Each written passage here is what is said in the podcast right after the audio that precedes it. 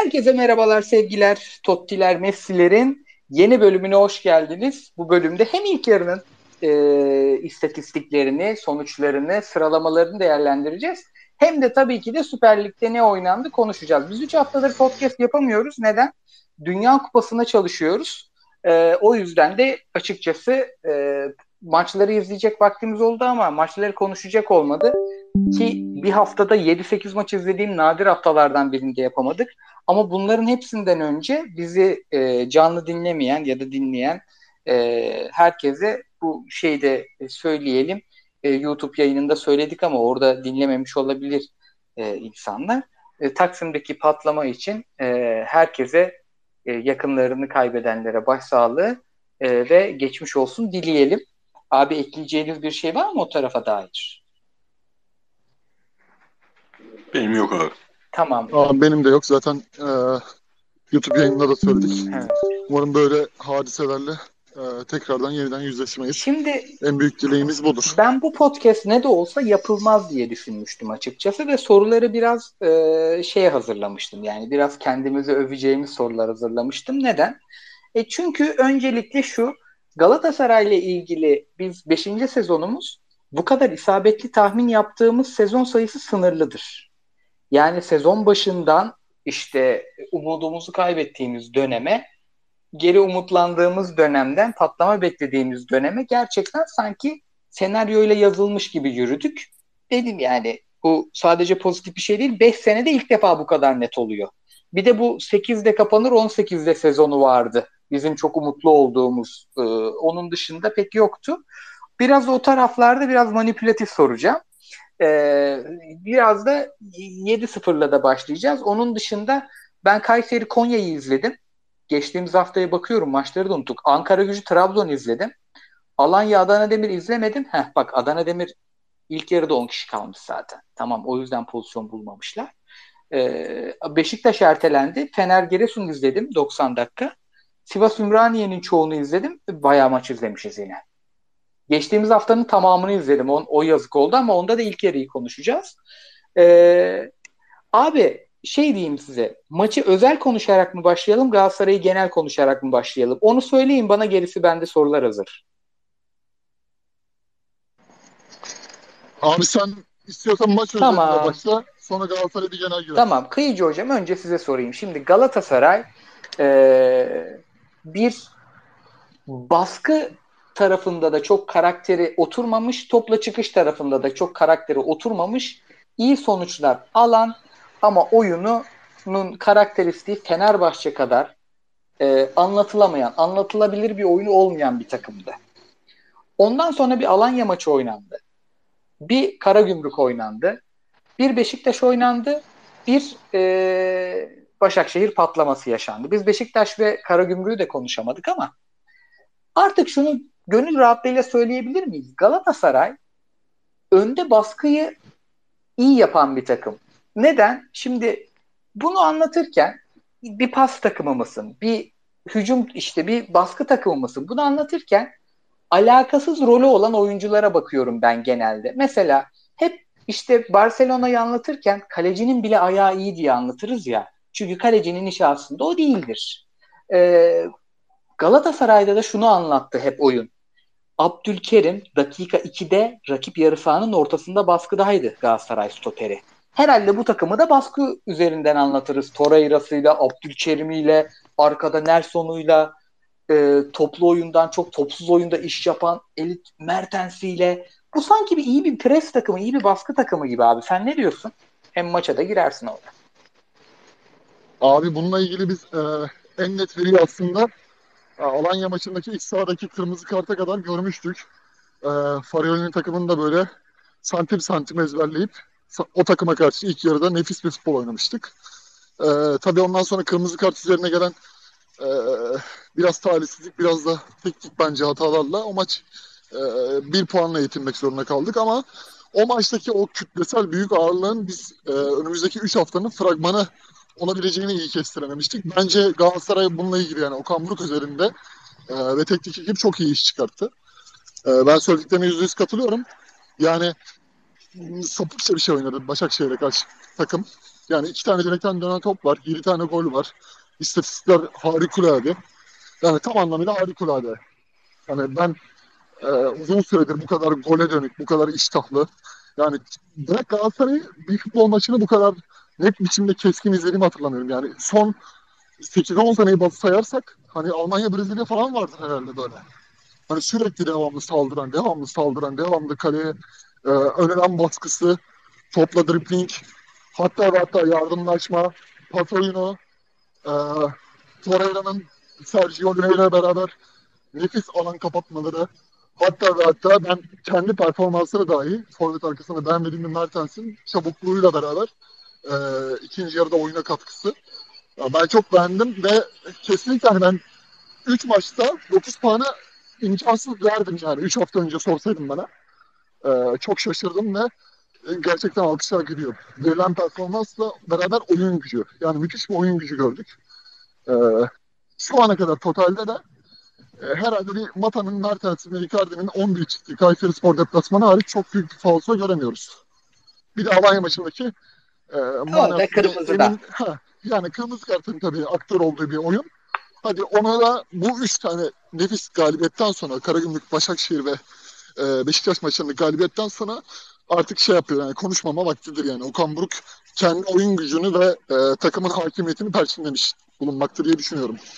Okan Hoca'nın e, sezonun tamamını da konuşacağız. Biraz Galatasaray ağırlıklı olur gibi bir yayın. Beşiktaş'ta bu hafta maçı ertelendi. Ee, Siris hocama şunu soracağım. Şimdi bazı takımlar bazı oyunlar oynar. Biz bunu şurada görmüştük, burada görmüştük. İşte şu uygulamanın çok iyisi, bu uygulamanın çok iyisi diye tanımlarız. Ben bu Galatasaray'dan mesela böyle bir e, imza bir tez oyun beklemiyordum açıkçası. Toplama bir takım, yeni bir yönetim, yeni bir hoca. Eldekilerden en iyi derime alacak oyunu görürüz diyordum. Ama Başakşehir maçını ikinci kere izlediğimde şunu gördüm. Abi bir takım önde yerleşip önde eforlu pres yapmadan da topu geri kazanabiliyor. Yani ben mesela biz çok Premier Lig izliyoruz. Premier Lig'de böyle bir şey yok. Premier Lig'de topu kovalar basarsın. O tempoyu talep eder Premier Lig. Ya da Serie A'yı izliyoruz. Serie A orta blokta ölümcül bir baskı yapar. Galatasaray rakibin boğazına hiç basmadı. Ama rakibe de hiç pas attırmadı. Yani pas kanallarını çok iyi kapıyan, bak çok efor harcamayan, anormal koşu mesafesi olmayan ama ligin en iyi topla çıkan takımını, Avrupa'da gol yememiş doğru dürüst mağlubiyet almamış takımı, ligde şu ana kadar 5 gol yemiş takıma 7 atacak şekilde onun oyununu bozdu. Ya bu şimdi şunu getiriyor mu? Ya Galatasaray iyi bir orta saha kurdu. Önde iki tane 35 yaşlık elit oyuncuyla da bir önde baskı takımı kurabilir dedirtti bana.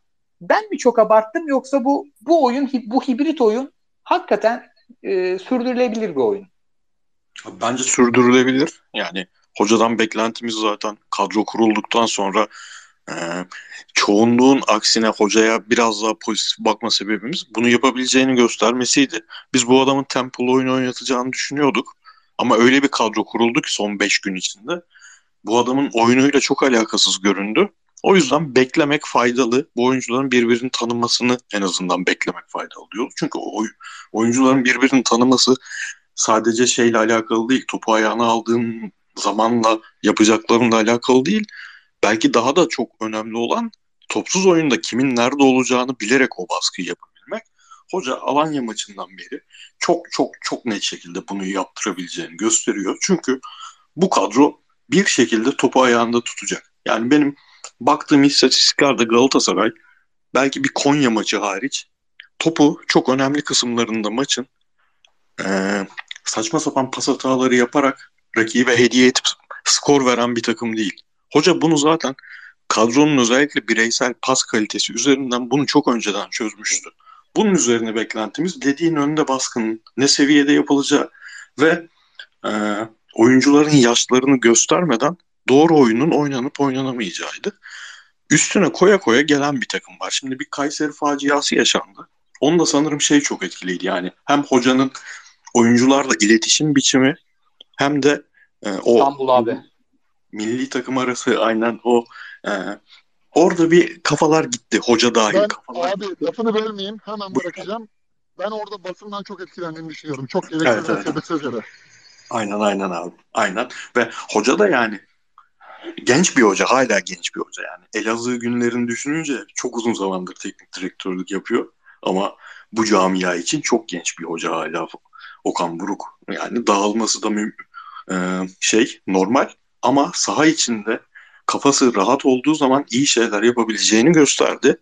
Ve benim için en kritik olan Beşiktaş maçındaki ikinci golden sonraki takımın e, oyun planı. Ondan sonra hoca şey demedi.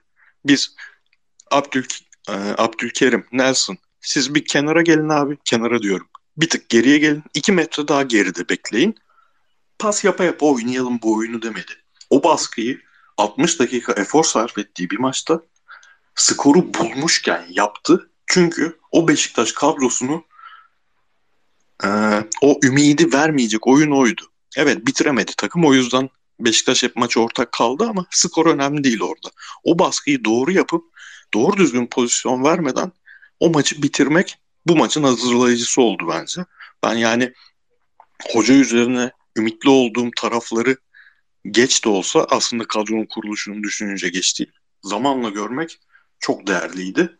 Ee, mesela 2-0'dan sonra pardon 3-0'dan sonra ikinci yarının başlarında takımın reaksiyonu ne olacak? Acaba hani ulan tamam lig ligi de bitirdik. Dediğin gibi 35'lik adamlar oynuyor takımda.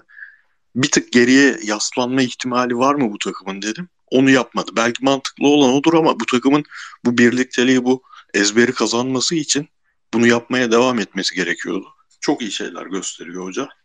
Bakalım yani bu sosyal medyaya takılma, gazeteci arkadaşlarına çok güvenme işleri falan bir kenara bırakıldıysa o özgüveni almıştır diye ümit ediyorum.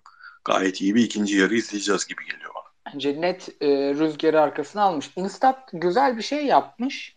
E, haftanın istatistiklerini paylaşırken yanına sezonun istatistiklerini de iliştirmiş. Daha önce yaptıysa benim gözümden kaçmış. iki rapor hep ayrı ayrı açıyorum.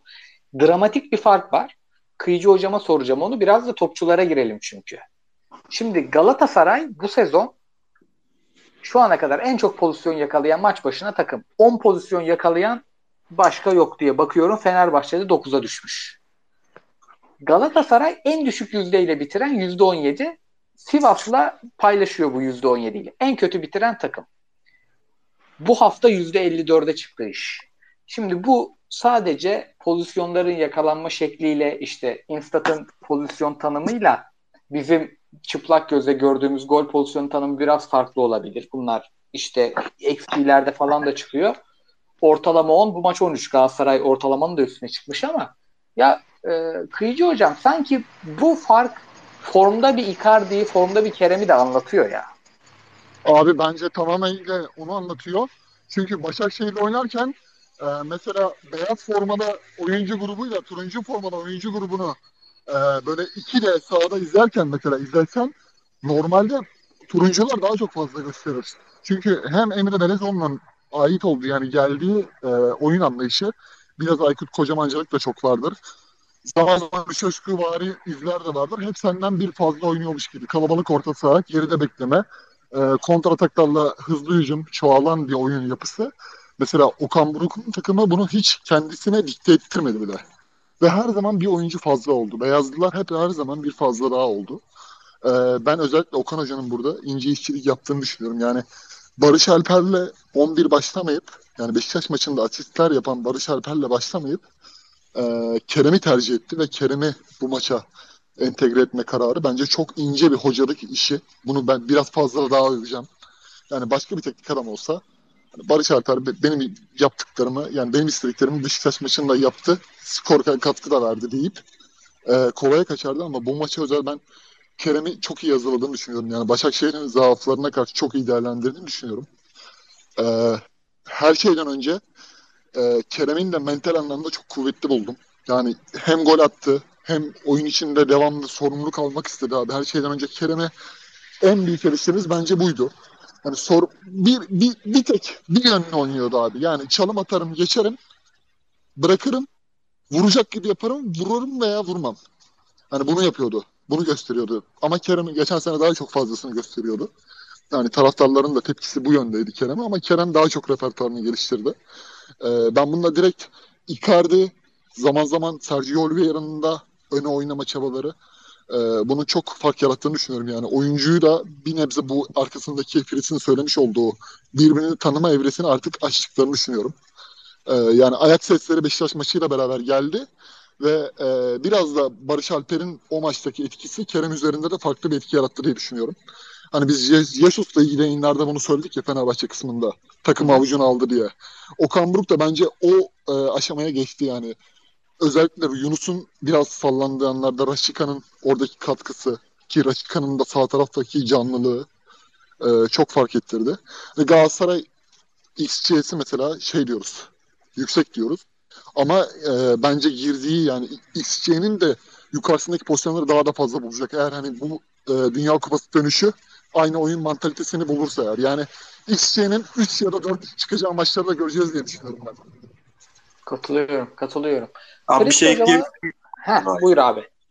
Abi şimdi Okan Hoca'nın Fatih Hoca gibi haliyle doğal bir sertliği yok. O sert yani Fatih Hoca karizmasının sert duruşundan ama sert duruşunu bireysel tanıdığı insanlara karşı bir de babacan tavrıyla dengeler. Şimdi hocanın öyle bir doğal bir sertliği yok. Şenol Hoca gibi aforiz, aforizma üretip e, oradan bir motivasyon üreten bir adam değil.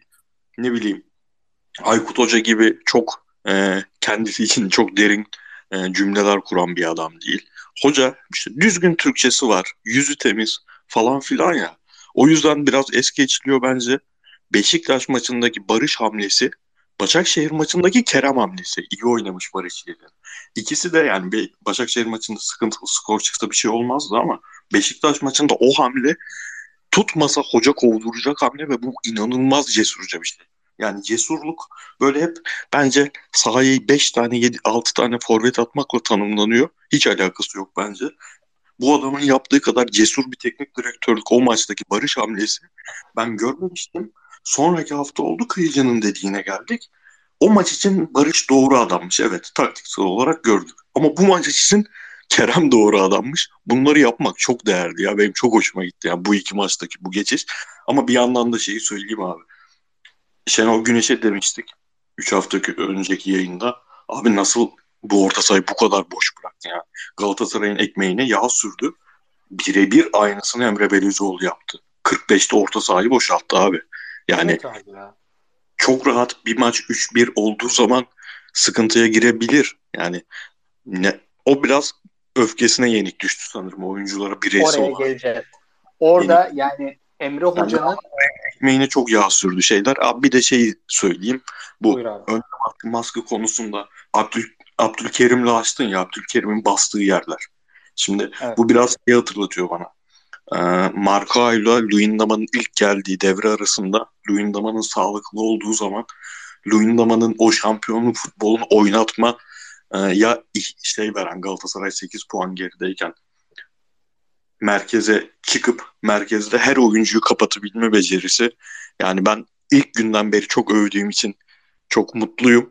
Abdülkerim'e inanılmaz bir ferahlık sağlıyor bu takıma öne çıkabilmesi için. Aynı şekilde sahada kalabildiği sürece Emre ve tabii ki bütün maçlarda Boyi, stoperin ve bekin önde basan adamların arkasını toplayabilmesi o kadar önemli ki organizasyon için. Galatasaray o bir, beraber oynama alışkanlığını kazanırken bu oyuncular sayesinde kazandı bence biraz da bunu. Net bana katılıyorum abi. Bana, abi bana şu an Kıyıcı senin sesin gitti mesela şu an bende. Bende de gitti abi. Evet. O yürüyor ya bir yanda. Şu an net mi abi? Bekçi falan çevirdi herhalde. Ha geliyor abi. Abi evet. şu an Çağlar Söyüncü mü Abdülkerim mi desem ben tar- tartışması Abdülkerim derim ya. Vallahi ben de hastayım kendisine. İlk haftadan beri Ça- Çağlar'la ne kadar kıyaslarım bilmiyorum da Leicester maçı çok az izledim bu sene. Ama ben de yani gerçekten şimdi normalde Tek maç zaten Leicester'da. Ama şey milli maçta da bayağı iyiydi. Onu söyleyeyim. Abi şey, şey. E, bir yani yerli bir stoperin bir Anadolu takımından gelen bir stoperin bu kadar büyük takımı kavrayabilmesi ve bunu e, nasıl söylenir özgüvenle beraber sanki uzun yıllardır burada oynuyormuş gibi e, oynayabilmesi çok ilginç. Ben bunu bir tek 2008'de e, Kalli döneminde Emre Güngör'de görmüştüm. Yarım sezonluk performans. Ama iyi geldi aklına Emre Güngör. Yani aynen. O, o şampiyonluk sezonu Servet'in yanına Emre Güngör olunca biz e, başka bir şey oynamaya başlamıştık. Ama Abdülkerim bunun çok daha farklısını da oynuyor. Yani adamla yüksek topa çıktığın zaman abi adam sana hem kalecisine hem etrafındaki sağ beke, sol beke, yanındaki e, diğer stopere onu e, alırım hissini veriyor ve türbündeki izleyenlere o hissi veriyor. Çok başka bir şey oynuyor yani. Abi hamle devamlılığı çok iyi ya. Yani ilk hamleyi yaptım. Mesela Serdar Aziz'i biz senelerdir neden beğenmeyiz? Tek hamle. Tabii.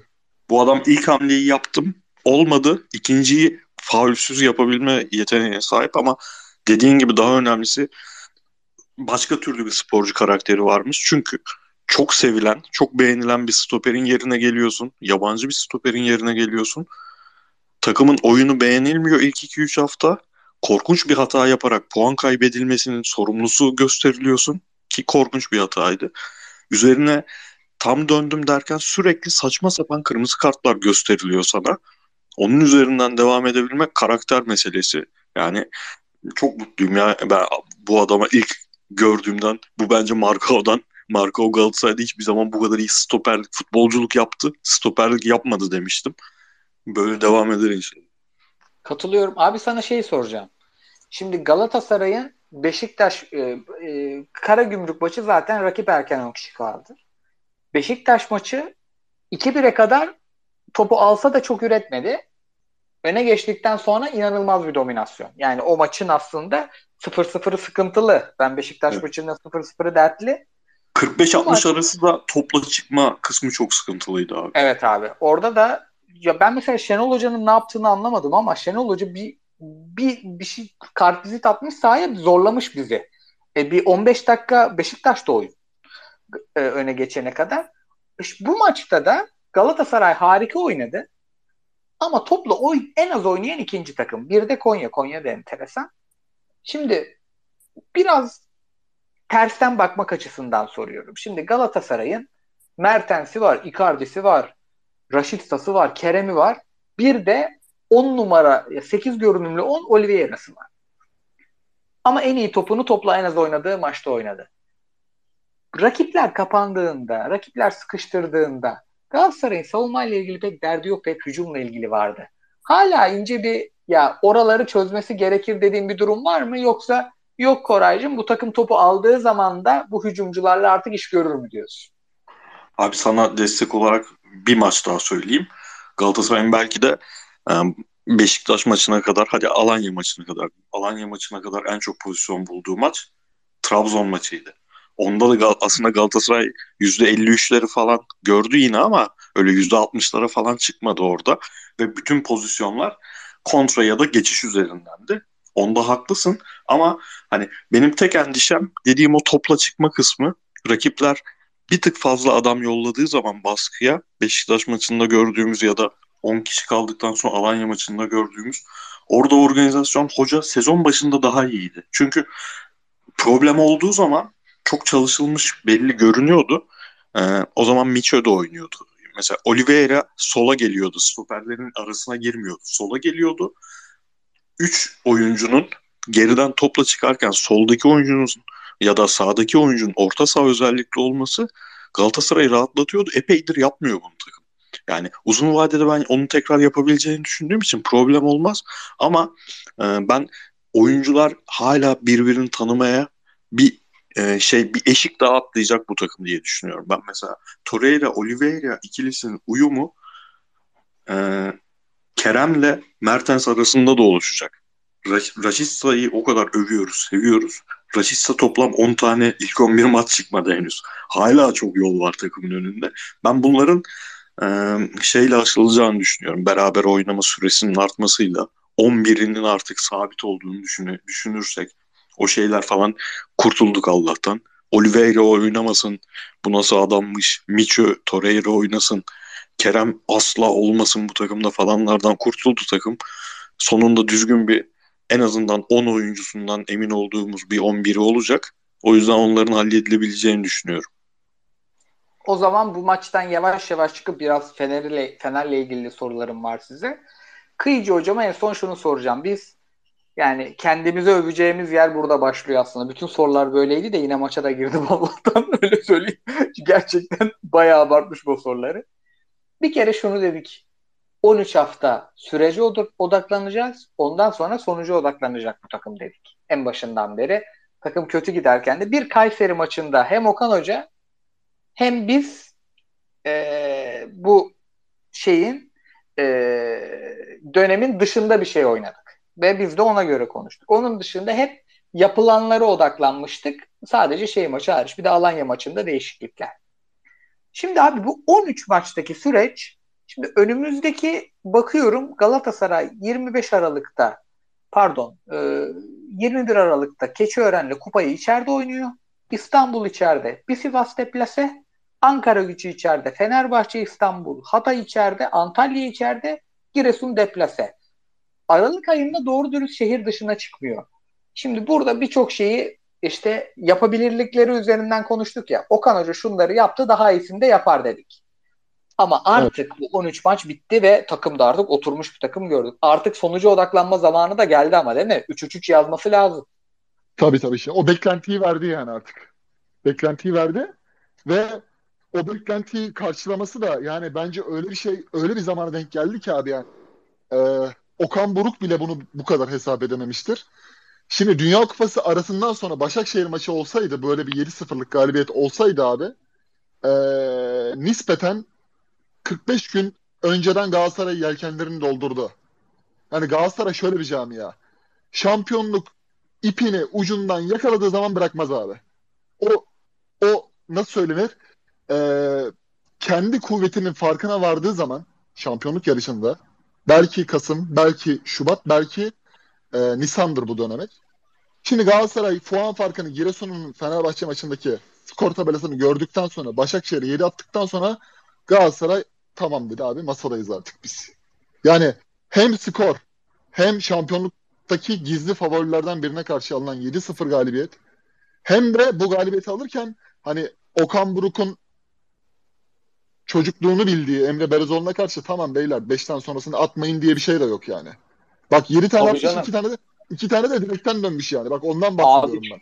Gol arsızıydı takım ya. Bulsa 12'yi de atardı yani. Yani çünkü genelde Türk hocalarda özellikle eski tip hocalarda şey vardı hani beyler tamam hani 6'dan sonra sıkmayın fazla pas yapın falan öyle bir şey yoktu yani. Ki Emre Berezoğlu ile Okan Buruk'un e, arasının nasıl olduğunu 2000'li yıllardan beri hepimiz şahit olduk. E, vura vura gittiler. Ha bence buradaki e, Galatasaray'ın yelkenlerini doldurması başka bir takımın o havaya girmesiyle çok farklıdır. Çünkü Galatasaray direkt buradan beslenen bir takım ve camia. Yani Fenerbahçe ile puan farkı ikiye indi gazetelerin küfürlerinde yani Uğur Meleke bile kalkmış hani Türkiye'ye işte yeni bir İsa indi, Jesus indi bilmem ne falan böyle şeylerden konu artık nerelere geldi yani. Lig ya arasından Uğur Meleke önce. peki Uğur Meleke'nin konuşma ehliyetini düşünüyorum da alınsa sanki bir 6 ay fena olmaz gibi. Yani abi şimdi tamam birine övmenin ben anlayabiliyorum. Fenerbahçe'nin camiasını Abi ben tam anlamadım neye kızdınız ya. Ne, ne, ne ki konu? Abi, Abi peygamber indi Türk, Türk futboluna diyor ya adam. yani Türkiye'ye sanki Türkiye'nin 1923'te federasyon kurulmuş. Türkiye'ye e, hiç yabancı hoca gelmedi abi. Dervaller, Kalliler, Lucescu'lar vesaireler gelmedi abi. Daumlar falan gelmedi. Uğur Meleke yani öyle bir anlatıyor ki yani inanamazsın ya yani böyle Fenerbahçe'nin ben susamışlığını çok iyi anlıyorum. 9 yıllık hasretini de çok iyi anlıyorum ama inanılmaz şekilde saçma bir argümanla e, şey yapıyor. Nasıl dekor yapıyor. Hani o iklimden Galatasaray işi 7-0'a getirdi. Direkt rakiplerinden Benim... birine karşı getirdi. Ve bütün yelkenlerini doldurduğunu düşünüyorum. Ben özellikle 45 günlük ara öncesi. Çünkü bu camia biraz da moral motivasyonla e, beslenen bir camia. Bizim Galatasaray camiası böyle bir camia. Ben o yönden e, özellikle Okan Buruk ve takım adına çok sevindim. Benim Uğur Meleke ile ilgili derdim Fenerbahçesi vesairesi değil. Uğur Meleke aleni ırkçı Türk düşmanı bir herif. Ya bak burada kimlere herif demedim. Uğur Meleke kendinden olandan nefret eden, sürekli yabancı sempatizanlığı pompalayan, garip bir fantazinin içinde yaşayan bir adam. Uğur Meleke'nin tedavi olması lazım. Yani benim Fener'le hiçbir derdim yok. Uğur Meleke'nin Türklerle bir derdi var. Uğur Bey'in. Kafayı yemiş o. Türk Yabancı sınırı savunuşu falan. Türkleri bir yerişi var. Yani yayını 45 dakika izle Allah bizim belamızı vermiş dersin yani. Benim derdim Tü- onda yoksa Fenerbahçe ile ilgili hiçbir şeyim yok. Fener'de benim- konuşacağız şimdi. Benim, benim esasen derdim e, sanki böyle insanlara hiç Türkiye'ye yabancı hoca gelmemiş, hiç devrimci hoca gelmemiş, hiç e, yani hayırdır abi Fenerbahçe gruptan daha önce de çıktı. Dik Advokat döneminde de çıktı. Hani Fenerbahçe daha önce de şampiyonluk yaşadı Christoph Daum döneminde. Yani böyle abartısından fazla bir Jorge Jesus tamam adamı biz de burada konuştuk. Biz de böyle olduk ama Türkiye futboluna başka bir şey geldi. Şudur budur yani. Dur, bir dakika abi ya bir dakika yani. Bunu O sen- zaman şeye geçeyim. bunu, bunu, bunu şey yapma abi ya. Bunu izleyenler zaten adamı zaten övüyor. Sen daha fazla öne geçmek için veya kendi görüşünü böyle egzajere etmek için çok saçmalamaya gerek yok yani. Fenerbahçe'ye şöyle geçeyim. Şu gün Pereira mı daha büyük e, teknik direktördür Fener tarihinde Jesus mu? Jesus. Peki. Kulübe, kulübe, kulübe kazandırdıkları anlamında Pereira'nın yani maliyet açısından, performans açısından daha fazla katkısı vardır. Aziz Hayır ya ben- Aziz Yıldırım Yanlış ayarında- Pereira'yı diyorsunuz. Şey diyorum ben ya. Bu Dünya Carlos Kupası'nda falan. Tabii, Kalbes- tabii. Carlos Alberto Pereira. Hayır, Vitor'un da fazla vardır abi katkısı. Ha, yok ben Vitor demiyorum. O efsane Fener'i yaratan adam ya. Bir Ben- sene sonra karısının hastalığı yüzünden ayrılan. Vitor'la da hocam. Vitor'la karşılaştıracağımız hoca da Jesus olmaz. Sizde 300 bölümdür podcast yapıyoruz ya. ne bileyim. Ben, ben, ben Carlos? Alberto Pereira. Carlos Alberto Pereira da hiç böyle şu an olsa yerden yere vurulacak bir top oynatıyordu. Hiç de şey bir hoca değildi. Ama o dönem Fenerbahçe'sinde adam bütün mevzuyu çözmüştü. 95-96'da ben önce gol yemeyeyim nasıl olsa atarım kafasında oynadığı için öyle şampiyonluk geldi. Bir de Trabzonspor'un şeyinden şampiyonluk geldi yani o Şenol Güneş'in Van Spor ve Fenerbahçe maçlarında saldırayım saldırayım saldırayım işi bitireyim şeyine geldi. Yoksa Pereira da Fenerbahçe için efsane hoca diye. Ama Fenerbahçe için efsane hoca Christoph Daum'dur benim gözümde. Aa, Zico da evet. değil bak. Zico da değil bak. Daum hakikaten. Daum zaten Abi önden Daum- hoca anlatıyor ya. Abi Daum yapı kurdu ya. Yani net Tabii. bir yapı kurdu. O 2000 kaç 2003'te mi gelmişti? 2002'de mi gelmişti? Yok 2003'te gelmişti. 2003 2008 arası 5 şampiyonluk. Hepsinde Daum yok belki ama yapı kurduğu yapı Fener'in net. abi çe- çeyrek finaldeki oynamasının bile bence direkt e, münesibi Daum yani. Adamın duran top organizasyonu, her şeyi, idman programı, işte sakatlanmayan topçular, o iğneler Hindistan'dan getirdiği. Devrimci hoca denilirse Daum bence Türkiye'de en başta tepeye yazılır. Abi peki Fenerbahçe şimdi iki maç izledik. 10 kişi oynadı. Sivas maçında zaten hiç yani dirsek temasından bile uza yakın tutmadı. Giresun maçında da Serdar Aziz olmasa çok fazla pozisyon da vermedik. Giresun büyük maçlarda yani Hakan Keleş Hoca zaten inanılmaz hazırlanan bir hoca. Herkesi yendi. Bizi de yendi. Beşiktaş'ı da Trabzon'a da dert çıkardı. Fenerbahçe'de sence Kıyıcı Hocam bir panik yapılacak bir durum var mı? Yani Galatasaray yani Fenerbahçeli olsam ulan bir tane rakip var bu sene şampiyonluk için diye tribe girerim bir. Çünkü iki hafta önceye kadar rakipsiz gidiyorlardı bence. Abi bence panik yapılacak bir şey yok. Fenerbahçe e, kendi iç sahasında hiç beklenmedik bir mağlubiyet aldı. Bunu böyle okumlayabiliriz. Yol Ama Fenerbahçe'nin yani. yani Fenerbahçe'nin ben Sivas Spor maçındaki kırmızı kart görme gerginliği bir de işte Oha Pedro'nun hareketi o gerginliğinin e, bence yönetim katında olabilir veya Jorge Jesus'un raporuyla olabilir. Cezalandırılması gerektiğini düşünüyorum. Yani Sivas maçında da çok gereksiz bir kırmızı gördüler. Orada da mesela puan kaybı yaşanabilirdi ama e, kazanılan penaltı işte Batshuayi'nin kırmızı sonrası Valencia'nın penaltısı orada Ferdi'nin penaltıyı alması esasen pardon Alioski'nin Alioski'nin penaltıyı alması ardından da e, Giresun maçında da Hakan Keleş'in söylediğin gibi yani geride bekle sabırlı oyun ayağı iyi pas ve e, sürekli zaten Hakan Keleş şey hocasıdır büyük takımlara karşı sabır hocasıdır. Önce yemeyin bir temkinli olalım beyler. Bir yarım saat yemeyelim. Bir 40 dakika 45 dakika yemeyelim. Ondan sonrasına ondan sonra bakarız kafasında bir hocadır. Yani bunu e, özellikle de Borja Sainz çok iyi kullanıyor abi. Yani büyüklerin belalısı bir oyuncu.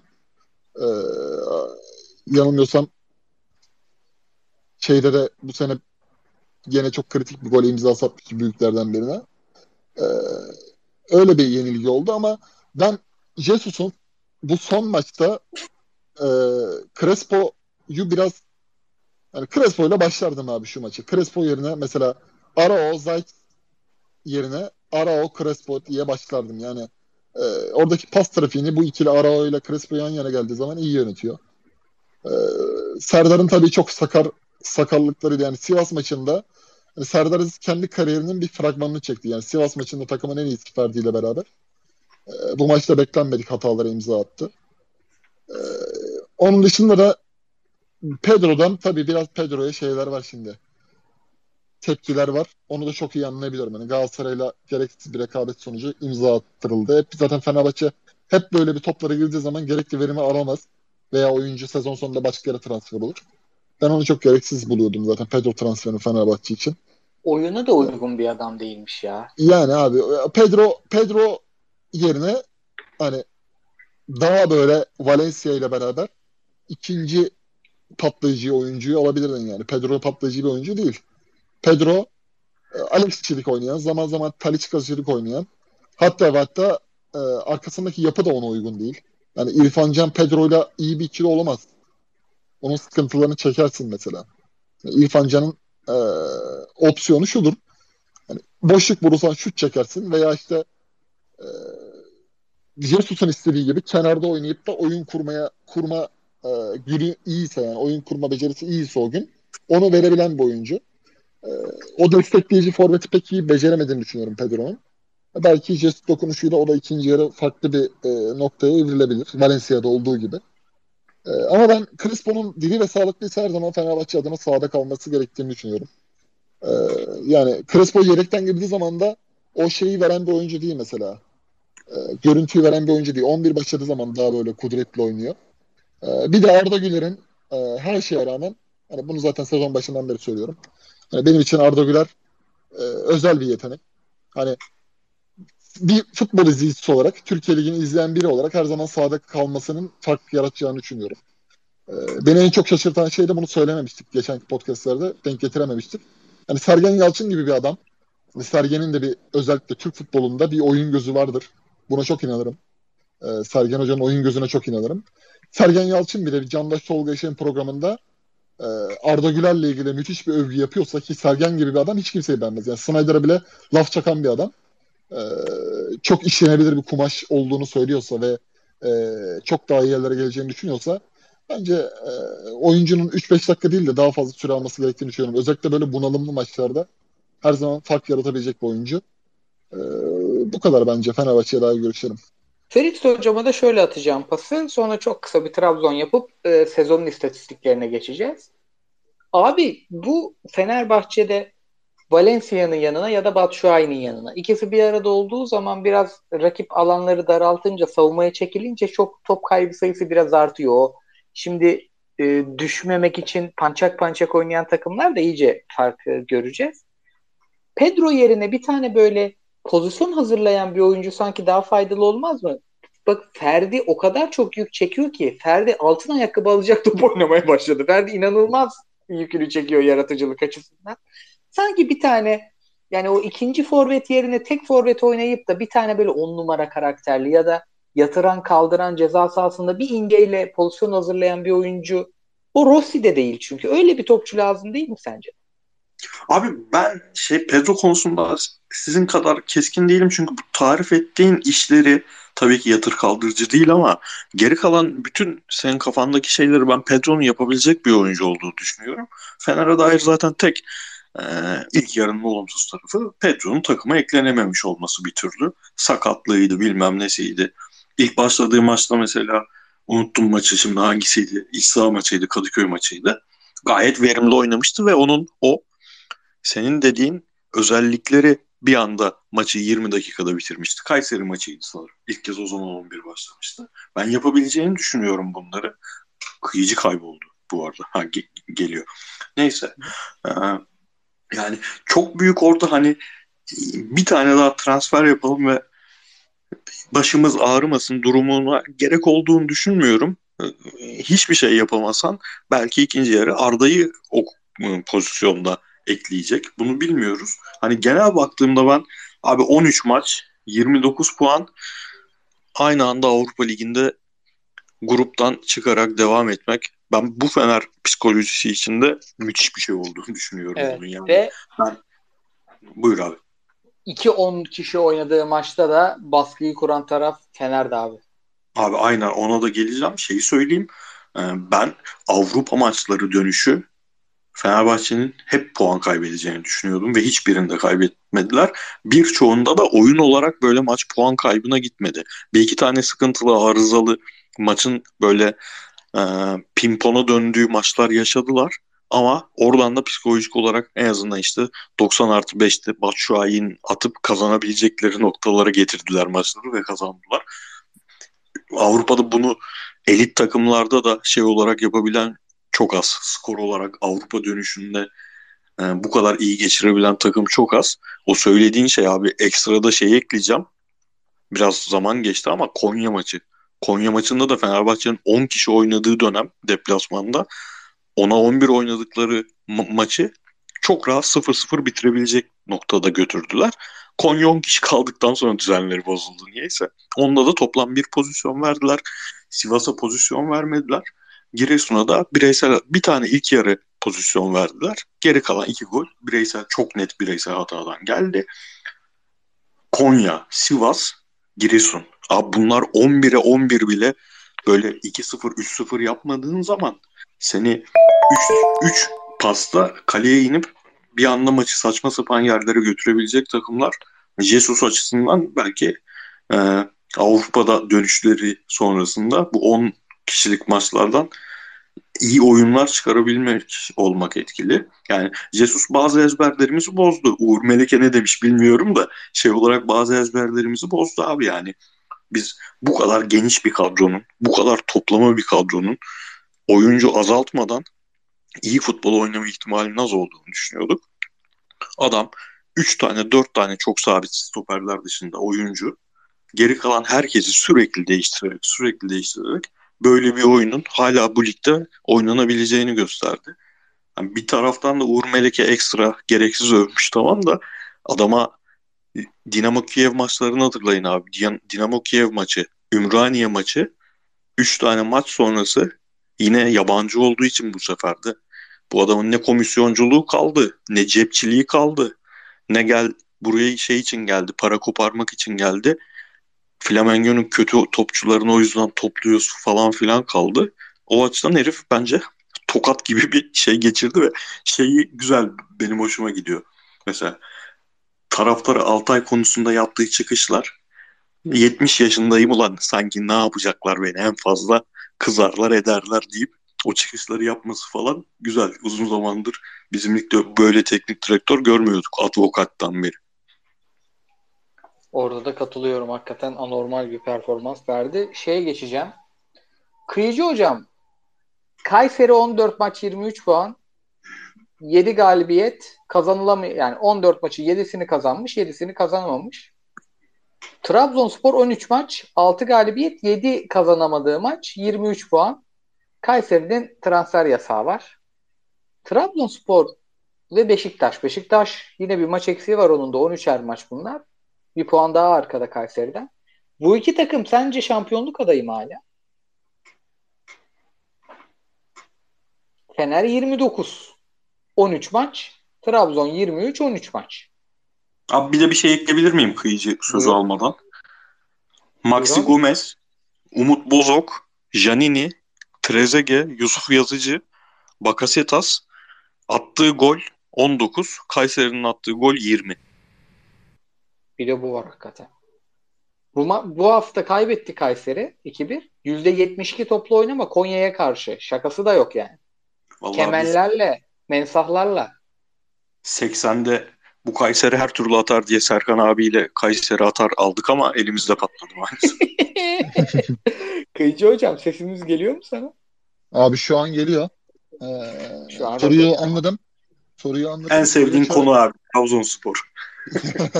Abi şöyle yarışta olacak ama yarışta olmak için de böyle hani senin Ankara gücüne veya işte ondan önceki hafta e, rakibine Konya Spor'a puan bıraktığın gibi bir performans sergilersen hani bu bir defa sekersin. Ondan sonra sana bir fırsat gelmez Fenerbahçe'nin Giresun mağlubiyeti gibi. Yani Abdullah Avcı arada 6 puan farkı kapanacak bir fark geliyor. Ben bunu çok normal karşılıyorum. Evet Trabzonspor Vakayeme'den sonra özellikle Vizca ile kaybedince oyun bazında e, belli bir ritmi tutturamadı. Ama önünde bir transfer dönemi var. Önündeki transfer döneminde e, elindeki malzeme ile bunu çözemedi. Yani aslında burada Bardri mesela Vakayeme'nin oynadığı bölgede oynuyor ama Bardri başka işleri yapabilen bir oyuncu. E, Gbamin hiçbir zaman mesela e, veya Larsen Dorukan'la Berat'ın yaptığını yapamıyor. Yani parça senin en değerli parçaların bir tanesi Arabistan'a gitti. Dorukan zaten sakatlandı. Sabek'te sabek olmayan Dorukan'ın performansı geçen sene fark yaratıyordu.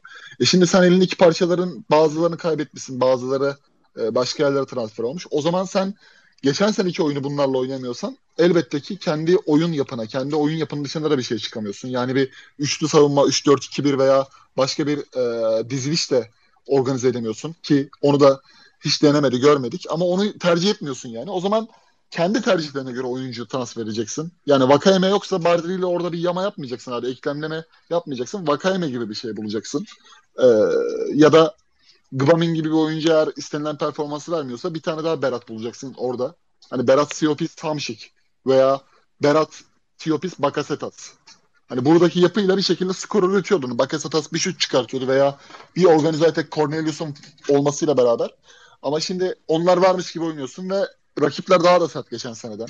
Yani bir Ankara gücü bile e, Ömer Erdoğan'ın gelişinden sonra e, Beritses'i, Pedrinho'su, Tolga Taylan'ı yani Tolga Taylan bile bir ikili bularak Ömer Erdoğan kısa sürede e, puan alabiliyor, puanlar toplayabiliyor ligdeki rakiplerine karşı. Ve bu artık daha da şiddetlenecek. Yani puan kayıpları daha da çok e, Anadolu'da alt taraftaki takımlar yangın yangına düşmüş gibi oynayacaklar. O zaman hiç zor, daha da çok zorlanacaksın. E, o yönden ben Abdullah Avcı'nın oyun değiştirmiyorsa ve içerideki oyuncularla bunu çözemiyorsa oyuncu transferiyle bunu ancak e, hani Ocak'ta bakarız var ya bizim klasiğimiz işte Ocak'ta bakarızın e, belli bir dozajında ayarını yapmak lazım. Yani Yusuf Yazıcı sana Bakasetasçılık oynayamaz abi. Veya Gbamin sana Beratçılık oynayamaz. Ha Eren Elmalı'yla bir şekilde yerli sol bek götürürsün. Veya e, Hugo Bartra ya da Bartra ile bir şekilde götürürsün ama sana Edgar Lee varken başka bir şey oynuyordun. Hani Edgar, Edgar Lee olduğunda mesela basit gol yemiyordun. O oyuncuyla Hugo daha çok birbirini tamamlıyordu. Yani sakarlık Konya maçındaki o sakarlıklar daha az yaşanıyordu. Ee, ben içeriden trans, yani bir transfer bütçesi daha bir Abdullah Hoca bir onluk daha yapar Trabzon'u Ocak'ta. Bunu görürüz yani. Bana da maalesef öyle geliyor. Yani ve o kadar transfer yapmasına rağmen bu takımın orta sahasının sanki değişmesi lazım. Ben oyun oyun olarak da bir arayış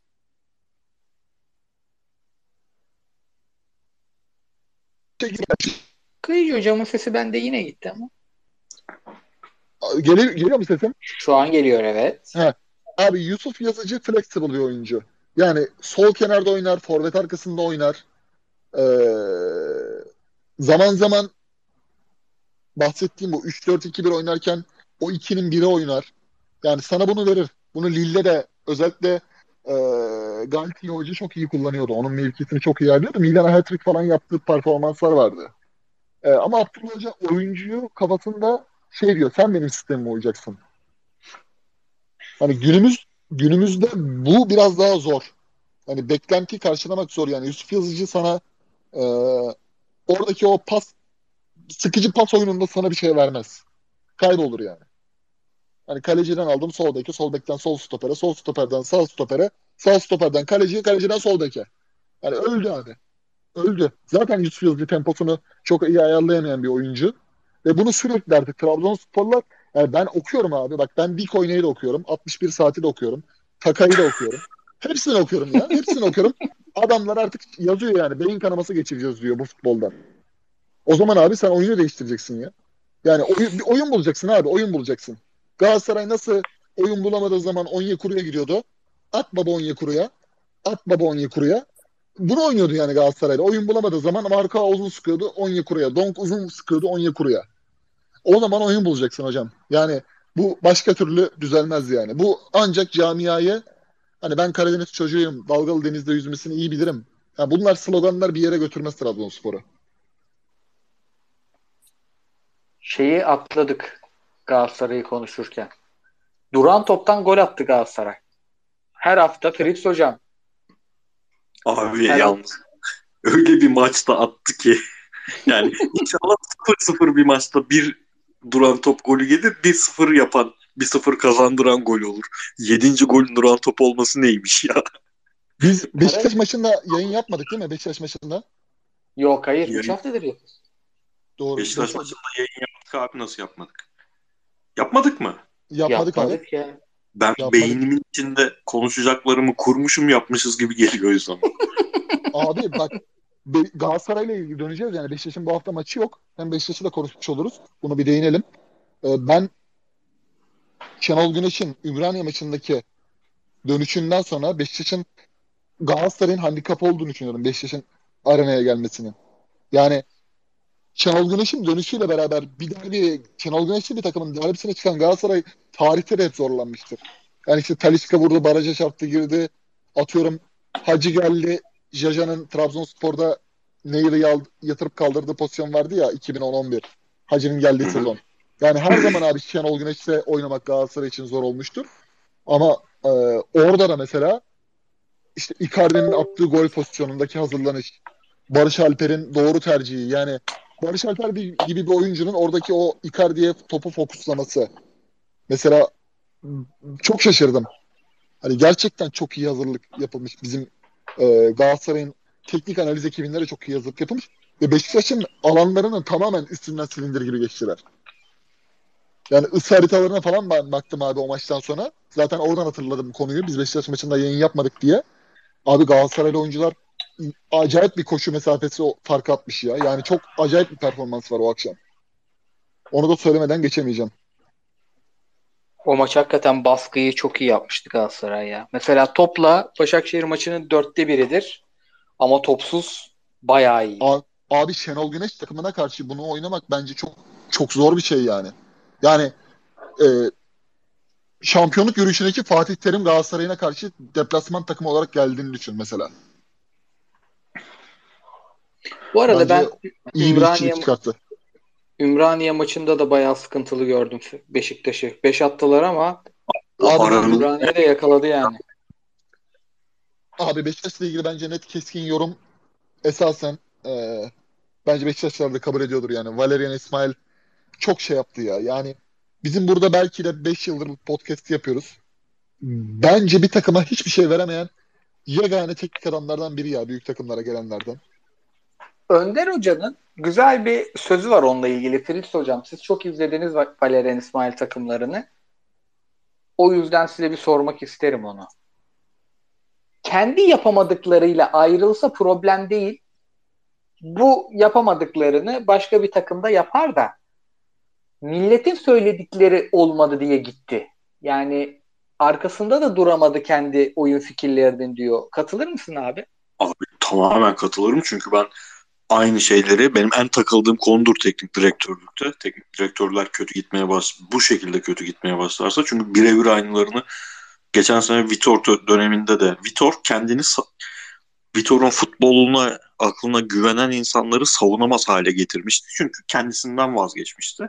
Birebir Valerian da aynı şekilde kendi doğrularından vazgeçti. Başka bir futbol oynamak istedi. Kimliksizleşti. Ben yani sürekli dönüp dolaşıp hep kimliğe dönüyorum futbol takımlarında. Çok çok güzel söylemiş Önder Hoca. Ama Beşiktaş'a dair abi hadi arada Ümraniye maçı var. Valerian'ın gittiği maç Hatay maçı. Galatasaray maçı.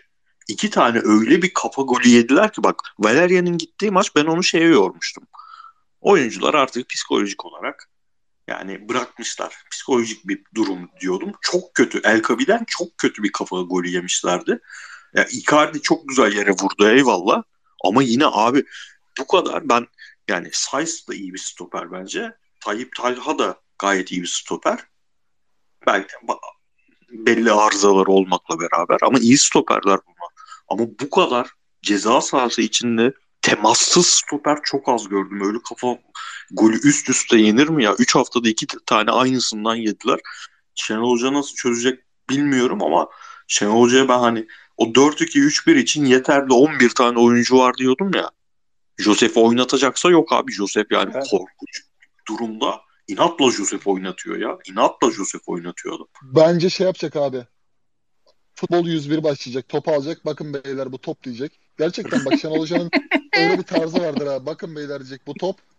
45 gün öyle bir kendine şey rota çizecek. Yani Şenol Hoca Bilic'ten sonra nasıl takımı devraldı ya bence o frekansa geçecek işte. Veli, Veli Kavlak'la Atiba'yı bozup da Oğuzhan'ı koyduğu sezon gibi. Ee, öyle bir şey bekliyorum. Ama, Ama bayağı bu hazırlık dönemi olarak bakıyor hoca bu maçlara haliyle bakmak zorunda. Mesela Ümraniye maçında hemen kaybetmeyeyim oyuncuyu çünkü benim yıldıza da ihtiyacım olacak. Ne kadar sönmüş bir yıldızsa, yıldız olsa da deyip Delaliye ile başladı mesela. Galatasaray maçında oyuna bile almadı falan böyle şeyleri e, yaşamaması lazım artık bu takımın. Çok net hocanın hazırlık sürecinde kafasındaki 11'i belirleyip o bizim de bu takım en azından sakatlık olmazsa belli bir şampiyonluğa yakın futbol, şampiyonluk oyununa yakın bir futbol oynar dediğimiz 11'i bulması lazım artık. Bir abi, bir de hoca şey bir buçuk yıl kontratla geldi. Yarışmaya geldi yani. Yani tabii, tabii. tabii. Bir de abi şey düşünüyorum ben. Beşiktaşlar mesela biraz espritüel maçtan sonra, derbiden sonra e, Valerian kalsaydı da şu maçı oynasaydı keşke falan kafasına giriyorlar. Bence Valerian kalsaydı Galatasaray 4-5 atardı o akşam. Yani Abi ya. Valerian böyle bir şey Fenerbahçe maçındaki oyun planını çabuk mu unutmuşlar? Yani şeyin Henrique'nin kucağındaki Vegors'ta kaç tane uzun şişirildi ya? 10, 11'de bir miydi en son istatistik? Evet. Kafa topu alamadığı tek maçtı Beşiktaş evet, hücumcularının. Devam ettiler. Başka hiçbir şey yoktu takımda. Bir de İsmail ile ilgili şu çok ilginç geliyor abi bana. Böyle bazı mitler vardır. Doğru mu yanlış mı bilmeyiz ama hep söylenir. Biz de söyleriz. Mesela işte Hamza Hamzoğlu'nun şampiyonluğu e, şeyin Prandelli'nin yük, yüklemesiyle geldi. Mesela Fatih Terim'in ilk şampiyonluk Tudor öyle bir iyi fizikli takım bırakmış ki öyle geldi falan denir. Mesela İsmail'in bıraktığı takıma bunları diyemiyorsun. Bu nasıl fizik abi? Bu nasıl durum? Fizik durumu evet, takım. Abi. Ve sadece şey değil. Yani Beşiktaş Valerian İsmail zamanında da 60'lardan sonra yoruluyordu ama 60'a kadar çok büyük bir baskı yaptığına yoruyorduk. Şimdi evet. hem yoruluyorlar hem ikili mücadele kazanma yüzdeleri de sıkıntılı son haftalarda. Sıkıntılı abi. Aynen. Hatta şu an açtım. Bak totalde %51 ikinciler ama son haftalarda feci düşüş var. Evet abi. Yani sezon başında abi sezon başında da makine gibilerdi bu arada. Buran devriliyordu. Ama sanki şey gibi sezonu çok erken açmış bir takım gibi Beşiktaş. Yani Fenerbahçe evet, evet, aynen, aynen. devreyi. Aynen. Fener'in bu fizik kalitede olmasını beklersin bu kadar çok maç yaptıktan sonra. Doğru diyorsun. Abi şeye ne diyorsunuz peki? Şenol Hoca'nın bu aforizma işinin suyunu çıkarmasına öyle bir overdose yaptı ki adam geldiği gibi abi sen bunları arada saldığında güzel oluyordu ne yapıyorsun? Her açıklaması şey özlü söz. Facebook Aynen. özlü sözü. ya hoca böyle Twitter hesapları var. Kapandı ya. Yapmasak mı artık? Biraz da top mu artık? Ya. Hoca hoca kimseyle kavga edemez. Kavga ettiği zaman sinirleniyor. Sinirlendiği zaman da Karadeniz şiveye kaydığı için anlaşamıyor karşıdakiyle. Hoca o yüzden aforizmaya sığınıp abi kendi mesajını vermeyi çok seviyor. Ee, hani Zigana'daydım, yayladaydım, bulutların üstündeydim aşağı görmemek için falan filan. Hep böyle alt metinli şeyleri sevdiği için artık şey olduk hani millet de alıştı. Ha, tamam diyor hoca gene bir şeyler söyledi ama ben şeye çok e, dikkatle izledim özellikle. E, Ceyhun Kazancı'yı da ilk basın toplantısında yani orada tamam artık Ceyhun Kazancı'nın hiçbir fonksiyonu kalmamış. Onu gördüm yani. Çok üstenci Abi, şekilde davrandı. Onu orada beraber, patron Şenol Güneş yani. Onu beraberken de konuşmuştuk da o neslin bu yani siyaset günlük hayatımızda da olan bir şey ya sadece milletvekilleri ya da siyasi parti üyeleri yapmıyor. Hep her ikili ilişkide de bir siyaset var. O neslin bu konudaki uzmanlığı çok başka ya. Sen anlattın ya basın toplantısının başında Ceyhun Meyhun diye hemen bir kafa kola alıp bak adamın yetkilerini insan içinde kısıtladı ya. O kısmı bir anlatır mısın sen? Abi Ahmet Nur Çebi, Şenol Güneş, Ceyhun Kazancı geldi. Ceyhun Kazancı ile ilgili tabii hiç söz hakkı yok. Şenol Güneş ile ilgili Ahmet Nur Çebi kısa bir açıklama yaptı. Hocamız Şenol Güneş'tir işte şu kadar senelik kontraktır falan filan. Sonra bir tane Fatih Doğan olması lazım. Fatih Doğan'ın da tam böyle seveceği tarzda sabahtan bir tane soru şekli geldi. e, hani ben burada olduğum sürece Ceyhun Kazancı'nın acaba Şenol Güneş'le çalışmayız gibi tarzında bir minvalde soru geldi. Ceyhun Kazancı da e, hayır dedi ben dedi kişiler değil kurumlar önündedir. Beşiktaş camiasının dedi Şenol Güneş'e e, sevgisini biliyorum. Ben dedi onun dedi emrindeyim gibisinden konuştu. Zaten ondan önce de böyle küçük kısa sürede hani o demeci Ceyhun kazancı vermeden Şenol Güneş evet dedi Ceyhun dedi. Ceyhun söylesin dedi. ilk dedi. Yani Ceyhun'la bir fazla şey yaptı hani. Be, Ceyhun Bey veya işte sportif koordinatörümüz veya direktörümüz Ceyhun Kazancı söylesin değil. Ceyhun deyince yani zaten orada alıyor. Mesela e, o şeyi görebiliyorsun. Hani ben zaten hevesli değildim. Bana mecbur gelecektiniz. Ben Beşiktaş'ta çalışmaya çok hazırdı hani olmasa da olurdu benim işimden diye görebiliyorsunuz zaten. Onu Ahmet Nur Çebi de yaptı. Hatta aralarında küçük bir gerilim oldu. Başkan parayı çok sever muhabbetini onu görmüşsünüzdür belki. Ee, ama hoca gelirken bir iki tanesinde böyle şey aldı. Şimdi aynı demin söylediklerim bence şey için de geçerli. Abdullah Avcı ile ilgili transferle ilgili söylediklerim. Ee, ne yapar eder alttan girer üstten çıkar Ahmet Nur Çebi bir Şenol Hoca 8.5-9'luk yapar yani. Hani Ceyhun'u da yapar. Yani Valerian İsmail üçlü savunma oynayacak bir kadro kurdu. Ondan vazgeçirdiler. Ee, son son günlerde Delali geldi ve bu işte 4-2-3-1'i iyi oynayabilecek bir kadro diyorduk ki Joseph derdi Abi, çıktı. Şu an zaten şey, lazım da transfer. Bir de şöyle bir şey var yani e, Abdullah Avcı Okan Burukçan onu çok söylemiyorum. O daha teknik direktörlüğün bir 7-8 senesi. Abdullah Avcı e, ve özellikle Şenol Güneş aralarında en büyük fark Şenol Hoca gerçekten unuttuğu zaman unutur yani. Hani Dellali'ye bir şans verir. Uğraşmaz yani. Evet. Kagawa da bile biliyorsunuz ya. Yani Kagawa Dortmund markalı bir oyuncu. Ya bu Kagawa'yı niye aldınız? 2 milyon euroyu takıma da alsaydınız da şampiyonluk yarışına girseydik demiş bir adam yani. Kagawa'nın uçaktan alındığını duyunca. Hani e, kendi istediği topçuların aldırılmasını ister. Atıyorum mesela ne denilebilir? Orta sahaya Joseph'in yerine hoca şu var diyemezsin yani. Hocam hoca diyorsa ki medal olacak medal olur abi. Veya başkası olmaz yani. O yönde de bir çatışma çıkacak Ceyhun kazancıyla. Ama bunu Ahmet Nurçevi sağladığı için hani Trabzon Trabzon şey var ya kimyası. Yani Ahmet Nurçevi de Trabzonlu. Belki onu hoca, hocaya muhtaç da şu an. Çünkü tepki var abi. Sergen Yalçın döneminden beri bir hala bir kırgınlık ve tepki var getirilen hocalar. Önder Karaveli'yi getirdin. Önder Karaveli Adana Spor'dan kovuldu 5 maçta. Geçen sezon. Ee, Valerian İsmail zaten herkes hata diyor. Şey diyorlar ya ona. Onu iyi yönetmek Ada- lazım yani. Adana'ya da gitti diye Pamuk Prens diyorlar ya Beşiktaş'ta. aynen abi yani orada oradaki süreç de inanılmaz. Mart ayında Valerian İsmail giriyor falan böyle. Mart ayında Tottenham Max'ler çekiyorduk Avrupa yayına. Valerian İsmail geldiği zaman yok ya dedim. Ne Valerian hatta size Şenol Güneş'tir o dedim. Çok evet. oldum yani. Mart ayında teknik direktör ne alaka abi? İki ay daha sık o zaman kendini. Sezona temiz hocaya da gir. Yani Ceyhun Kazancı'nın bütün her şeyi Ceyhun Kazancı'ya bıraktık. Yani biraz da böyle bırakmak aslında riskli yani. Ceyhun Kazancı'ya her şeyi ona bıraktık. Futbol aklımız. Biraz riskli yani. O yüzden senin dediğin o e, özellikle old school altını doldurabilecek şekilde e, anlayış yeniden hakim olacak Beşiktaş'ta. Onu çok net görebiliyoruz. Abi ya buyur abi. Bence Gezzal haberi sonrası zaten Beşiktaş şampiyonluk şansı falan kalmadı.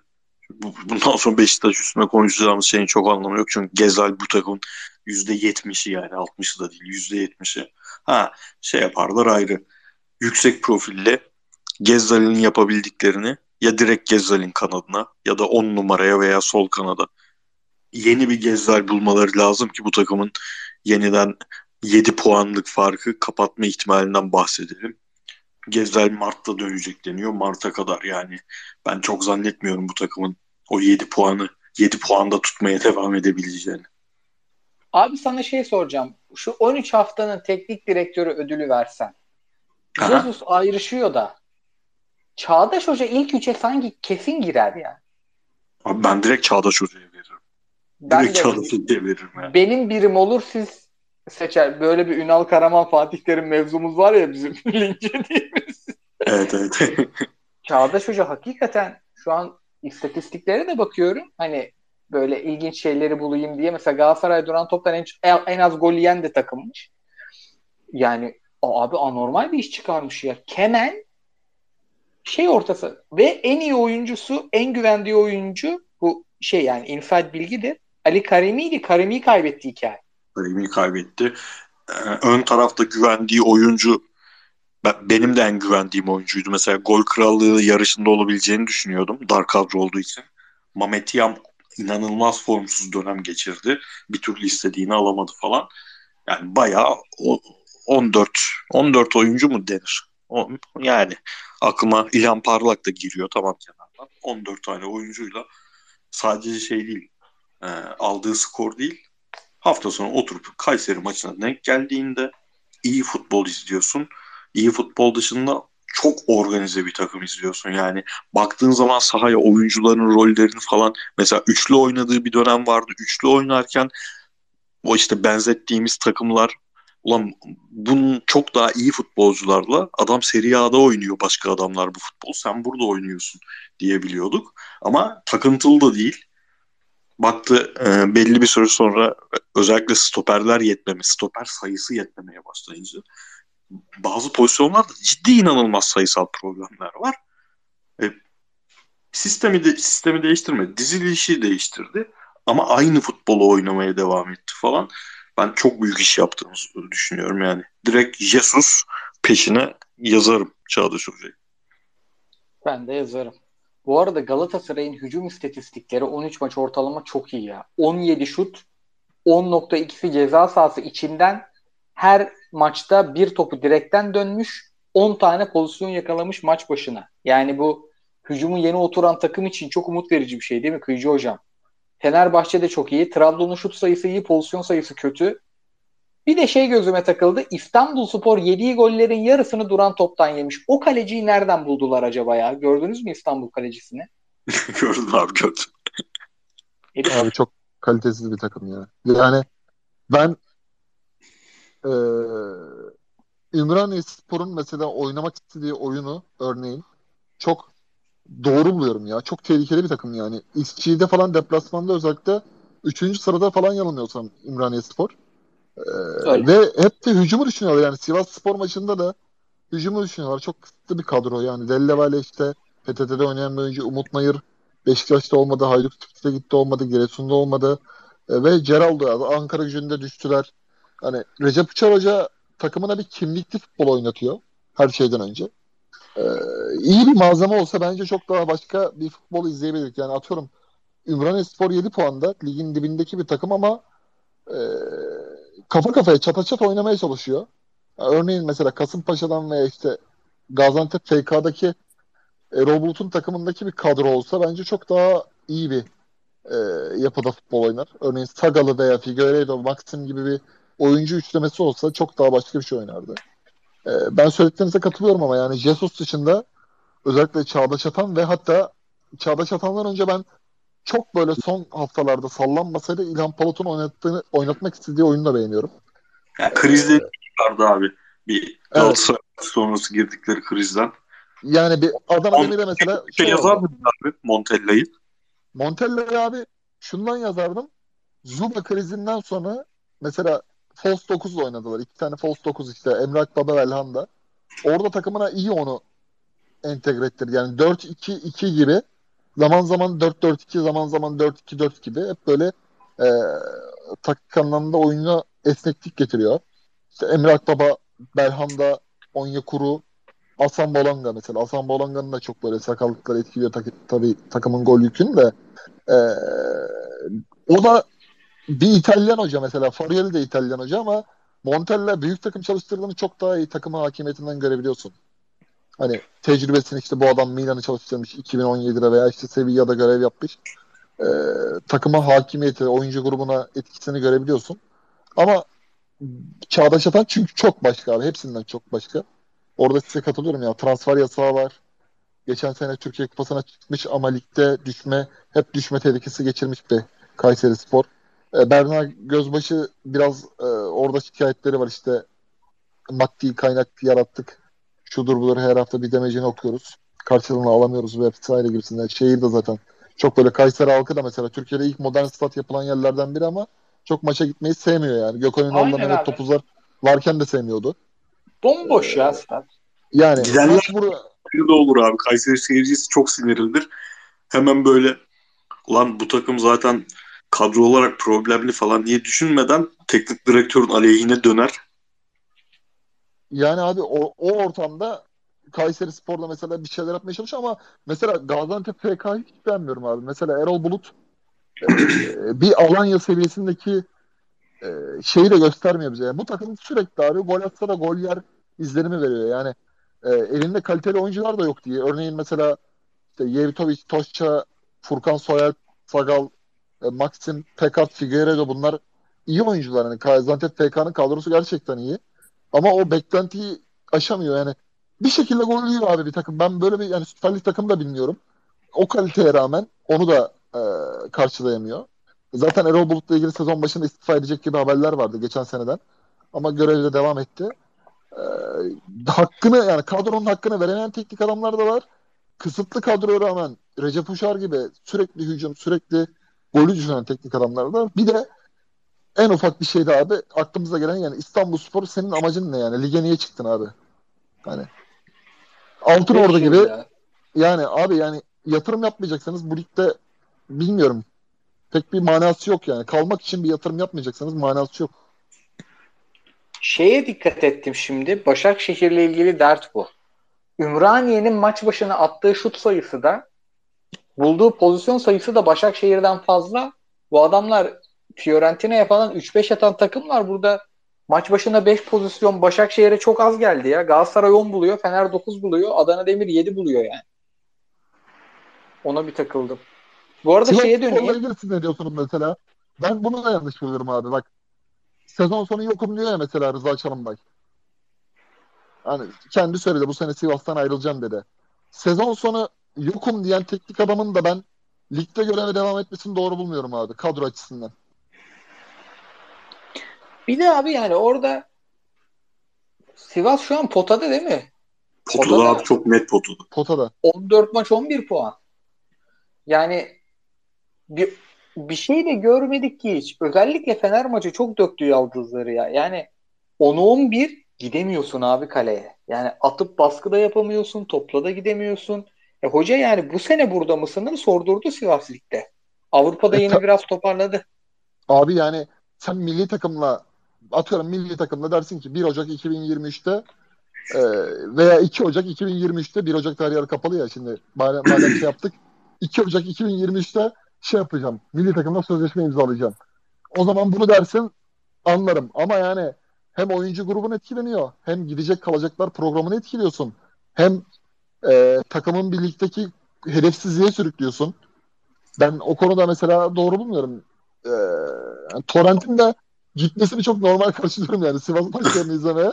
Onu da belirteyim. Abi, Abi şey bir de ya bu hoca kaç dör, dördüncü sezon olacak değil mi? Hemen bakayım. Geçti abi yok yok geçti abi sanki. Yok abi 2019'da gelmiş. Dördüncü sezon. Ha dört mü tamam. Doğru Trabzon'daydı. 2018'de tamam. Abi bu yaz sadece bu yaz 8 tane yabancı futbolcu almış Sivas.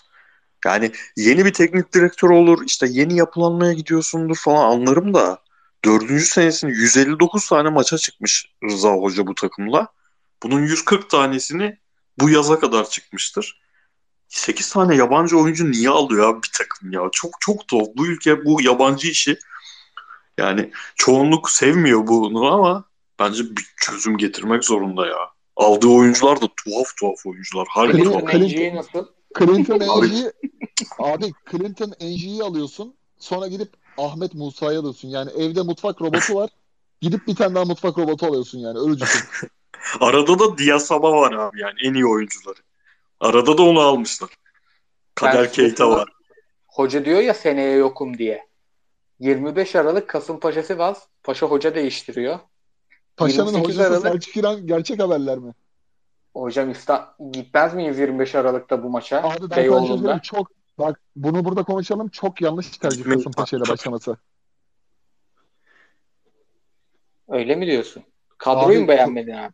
Abi bak Kasımpaşa'ya hoca gelmesi nasıl biliyor musun? Hoca getirmek yani. Bak şöyle ben anlatayım.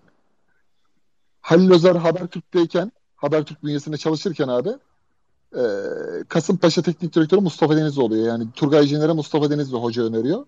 Mustafa Denizli hoca oluyor yani bir saatte. Hani Selçuk İnan kariyerine başladığın zaman Kasımpaşa gibi sahipli bir kulüpte başlarsa atıyorum 5 maç 3 beraberlik bir yenilgi bir galibiyet. Yani Turgay Cener de malum e, patron yok bu olmaz deyip de Selçuk İnan'ın hayallerindeki o teknik direktörlüğe başlangıç yerine Şenol Can'a çevirebilir. Tehlikeli bir kulüp abi Kasımpaşa. Şenol Can'ın gelip gidişi peki? Yani adam transit geçti kulübü. Abi Şenol Can, Şenol Can bak Şenol Can böyle gelip gidiyor yani. Kemal Özdeş bir ara böyleydi Kasımpaşa'da. Gelip gidiyor. Ben doğru bir kulüp olduğunu düşünmüyorum yani abi. Yani bir telefon, bir teknik direktörle, bir aracıyla e, göreve getirilen bir kulüp Kasımpaşa. Riskli buluyorum. Ama Orada şöyle bak... bir şey olur abi. Bak şöyle bir şey olur. Ben mesela nasıl bir kulüp denir? Gaziantep PK. Erol Bulut'la bir buçuk yıldır devam ediyor. Erol Bulut'la görevimizi ayırıyoruz. Selçuk İnan geliyor. Selçuk İnan da o toprakları iyi bilir Hatay Antep hattını. Ee, o yönden de kadro da iyi. Her şeyden önce iyi futbol oynatabileceği bir ekipman var elinde. Ee, o yönden ben Kasımpaşa yerine Gaziantep'i veya başka bir yeri beklemesini düşünüyorum. Ha bence Hatay Spor da olurdu. Volkan Demirel çok doğru bir yer kaptı. Bak Hatay Spor bugün kendini yukarı attı abi. Şeyden e, potadan çıktı yani. Abi Sivas'a git devam edeceğim. Bu fikstürle Rıza Hoca hakikaten seneye yok. Paşa başlıyor. Sonra Galatasaray. Sonra Konya. Sonra Kayseri deplasman. Sonra arada bir Antep var. Sonra Adana Demir var bir daha. Sivas burada iki tane maçı kazanamazsa zaten Sivas İstanbul ya da Ümraniye'ye geçilir. Sivas'ın maç fazlası var Ümraniye ile şeyden İstanbul Spor'dan. Ankara gücünden de maç fazlası var. Ankara gücü önünde. Bir de dört takım düşüyor bu sene. Karagümrük'ün de maç eksiği. Karagümrük'ten de maç fazlası var. Hatay'dan da maç fazlası var. Paşa'dan da maç fazlası var. Hepsinin arkasında. Bunlar düşer abi bu fikstürden sonra. Abi zaten orada e, konferans ligi Slavia Prag'daki grupların lider çıkmak falan e, öyle götürdü Rıza Çalınbay. Yani Rıza Çalınbay normalde 4 sezon içinde baksak hep Ekim ayında sezonu toplar. Hani Ekim ayında bir yükselişe geçer. Kötü başlar, iyi bir devam ettirir. Sonra yine düşer. Ama ortalarda bir yerde bitirir. Bu sene böyle deneş verince daha da çok sallandı. Ee, ben o anlamda Ömer Erdoğan'ın bile bir Ankara gücüne mesela fark yarattığını görebiliyorum ama Sivas'ın gerçekten şeyi zor. Yani adam bir şey yaptı abi. Tayland'da Tolga'yı koydu. Ön libereye. Tolga zaten zaman zaman Matuidi tarzı sol kenarı da üçlüyor. E, Berit sesi, Merit sesi adam orada bir şeyler yapmaya çalışıyor. Ha Ümraniye Spor, Rize Spor'un Okan Buruk döneminde yaptığı gibi kamyonla içeri 8-9 tane adam atar. Bence Recep Uçar da bir şey yapar. Benim görüşüm bu yönde. Çünkü geçen gün izledik biz işte şey maçını abi Sivas maçını gündüz e, geçen cumartesi 10 gün falan konuşuyoruz WhatsApp'ta. Abi Sivas'ı ortadan bir deldiler. Yani kalite farkı olmasa dörtlük falan yaparlardı. Maçı komple evet, izledik. Yani SOS veriyor yani Sivas o konuda. E, tersi de Ümraniye de mesela Sivas'ın arkasında ama Ümraniye, Ümraniye şu an sonuncu. Ümraniye'nin daha iyi top oynadığı 5 takım sayarım gibi. Bak Karagümrük'ten iyi. Net Bence iyi. Ömer Hoca'nın öncesi Ankara gücünden de iyi. Sivas'tan kesin iyi. İstanbul'un başka bir oyunu var. Onu beğeniyordum. Şey Tekke'ye kadar. Antep'ten Paşa'dan, zaten iyi. Paşa'dan da iyi. Bence yani Alanya'dan da iyi yani. yani. Alanya maçına göre bazen benim sevdiğim top oynuyor orada biraz. Ama e, abi, şey. Alanya ile ilgili şunu söyleyeyim. Siz ikinize de sorayım. Abi aynı golü sürekli yemekten bıkmadım da be Farioli ya. Orada da artık yani bu adamcağızın böyle oynamak istediği belli getirmişsin. Ya hocam alın ya ayağa top yapan iki tane daha Allah kulu ya. Yani bu Kara Gümrük'te de hoca kimleri kimleri topçu yaptı. Ben Farioli'ye giydiriliyor. Haklı yanları da var. Adam gerçekten çok böyle at gözlüğüyle oynatıyormuş gibi geliyor bana da bazen. Ama abi ya şuna uygun 3 tane topçu da alın ya. Abi nasıl alsın Alanya? Alamaz abi. O ya abi o kalite, o kalite, o kalite Alanya kim gidebilir ki abi Fenerbahçe Henrik'le Luan Perez'i getirdi. Bak 5. stopere bakıyor. Alanya nasıl onu şey yapacak? Sonra. Sergio Ramos'u mu getirecek diyorsun? Şıkın, şıkın yanına Devrali mi gelecek abi? Sen Dezerbi'nin yanında oynatırsın onu. Ama İtalya İtalya'da her zaman piyasayı yapacak bak ben bazen bakıyorum abi. İtalya ülkeyi arama İtalya yapıyorum abi. Farioli falan Dezerbi bakıyorum. şeye falan gitse Stankovic yerine Sampdoria'ya başlatır yani bir şeyler yapar orada. Ben Fritz hocama müthiş istatistik buldum. Ben buradan Fritz hocama soruyu sorarım. Abi Buyur abi. Beşiktaş savunmada ikili mücadelelerde ligin 17.si, hücumda birincisi. Sıralamayı da Allah Allah. göstermiyor mu? Valla düz mantık bakınca zaten ya bu takım niye bu kadar temassız oynuyor sorusunun cevabını karşıladım. Temas ettikleri zaman kaybediyorlar demek ki.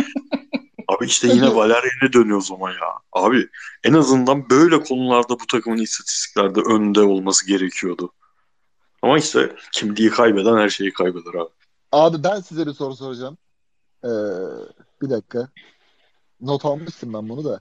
Heh. Başakşehir 7-0'lık maçtan sonra Emre Belezoğlu'nun oyuncu grubuna dair. Ha abi çok Ee, güzel söyledin. Unuttuğuma çok üzülecektim onu. Buyur.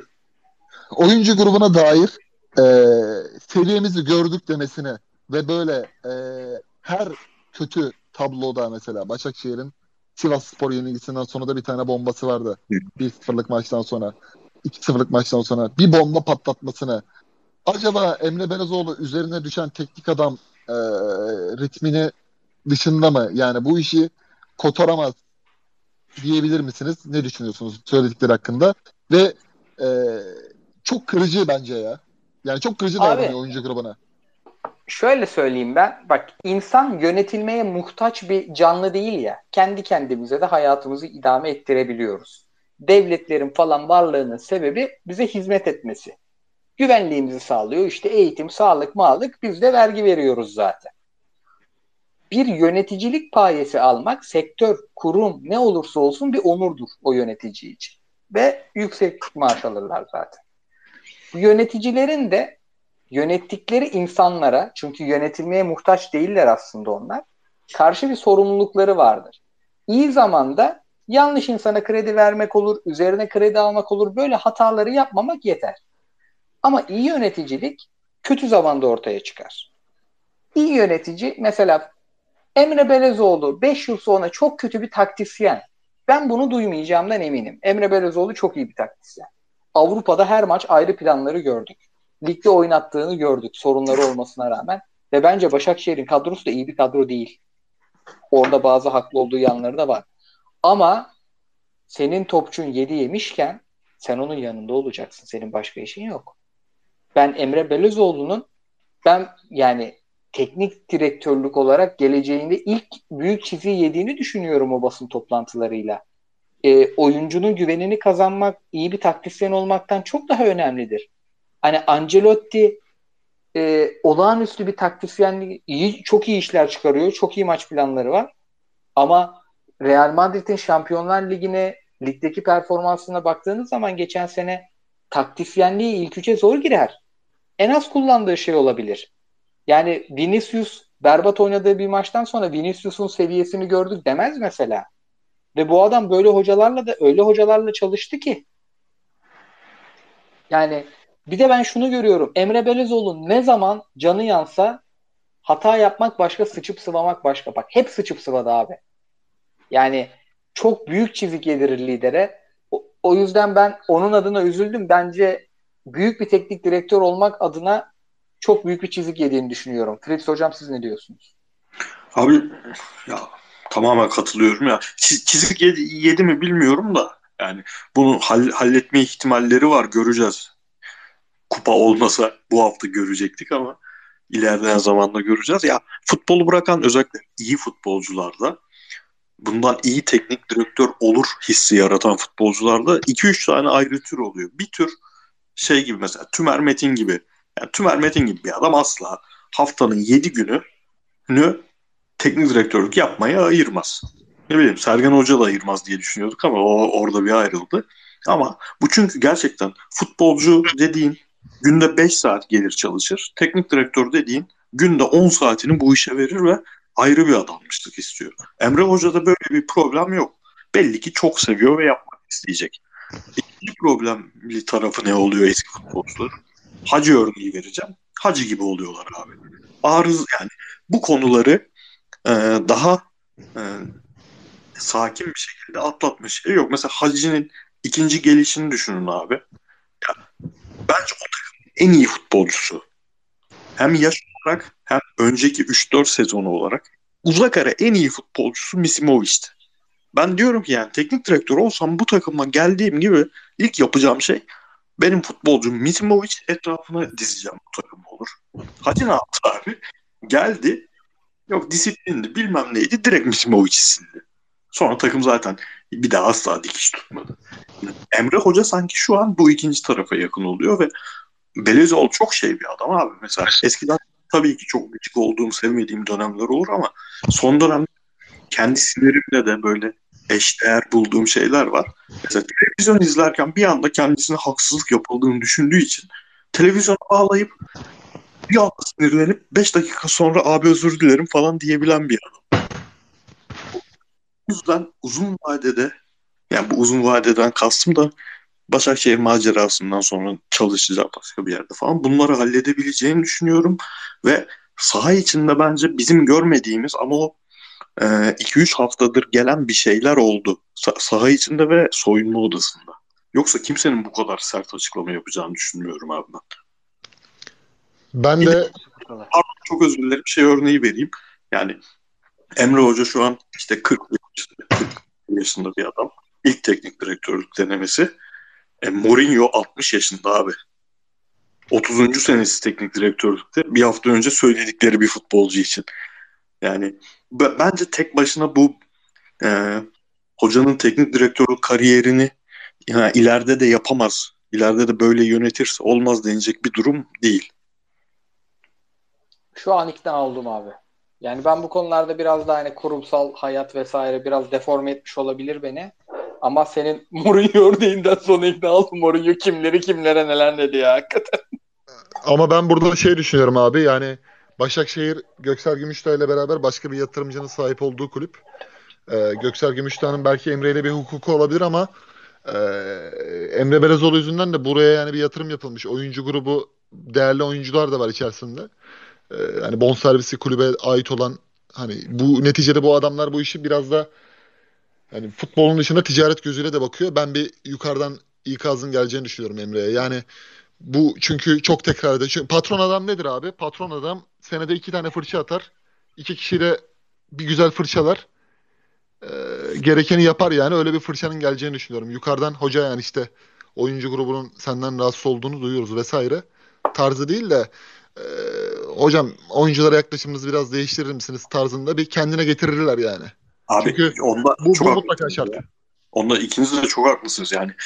Başakşehir gibi Emre ile yani yönetim arasında özel bir arkadaşlığın olduğu bir yapı olmasa başka bir takımda olsa futbolcular direkt çıkar yani. Direkt gider, şikayete gider. Gitmedilerse tamamen dediğin sebeplerindedir. Bir de e, Koray bir Önder Özen örneği vermişti. Ben de bir Önder Özen örneği vereyim. Benim çok sevdiğim böyle içeriye dair bir e, futbol adamının fikrini belirtme anıdır. Göztepe dönemiyle ilgili Önder Hoca daha önce de anlatmıştım bunu sanırım bir şey anlatarken anlatırken şey diyor. Ya ikincilik futbolcusu adam hayatında ikincilik dışında oynamamış diyor. İkincilik futbolcusu. Ben ikinci işte bir olay anlatıyor yaşadı. Ben ikincilik futbolcusunun egosuyla baş edemedim ve bu benim aslında esas zaafım buymuş çünkü teknik direktör olmanın yüzde altmışı bu psikolojik tarafını başarabilmekmiş. Ben onu yapamadım, olmadı bende diyor. Emre Hoca da ona çok yatkın gibi görünüyor şu an. Bir de abi dediğin gibi Hacı Hacı benzerliği çok. Hacı da mesela 2004-2005 Galatasaray'ında kenarda istediklerini yapamadığı zaman mesela o oyuncu grubu kendi futbolcuymuş gibi kendini parçalardı. Saçma saçma kararlar verirdi işte atıyorum.